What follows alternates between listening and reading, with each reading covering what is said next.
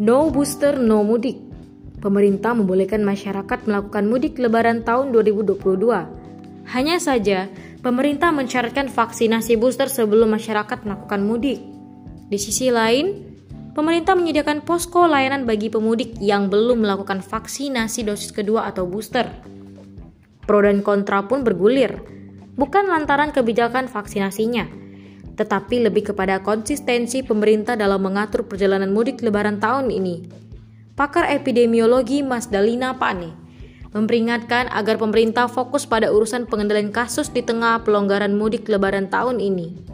Ketua Pengurus Harian YLKI Tulus Abadi mengatakan, syarat vaksin booster untuk mudik sama saja dengan melarang masyarakat untuk mudik dengan cara halus.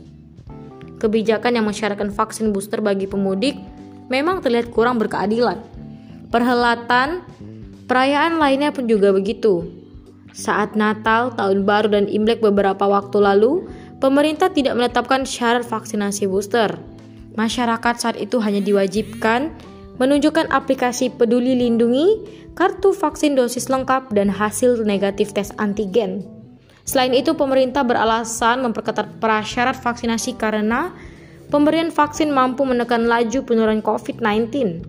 Pemerintah menilai potensi penularan mudik lebaran tinggi karena mobilitas masyarakat yang bergerak bersamaan. Tanpa mengurangi dukungan terhadap vaksinasi, pemerintah semestinya konsisten menegakkan aturan protokol kesehatan. Secara tidak langsung, pemerintahlah yang sejatinya berkontribusi besar atas ketidakpatuhan masyarakat. Pemimpin yang sesungguhnya merupakan pemimpin yang benar-benar memberikan keteladanan pada rakyatnya dengan bersikap adil, amanah, dan konsisten.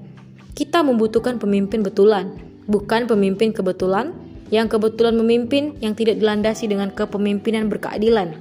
Mengingat pentingnya kepemimpinan yang adil, Rasulullah Shallallahu Alaihi Wasallam pernah berpesan, sehari seorang pemimpin yang adil lebih utama daripada beribadah 60 tahun.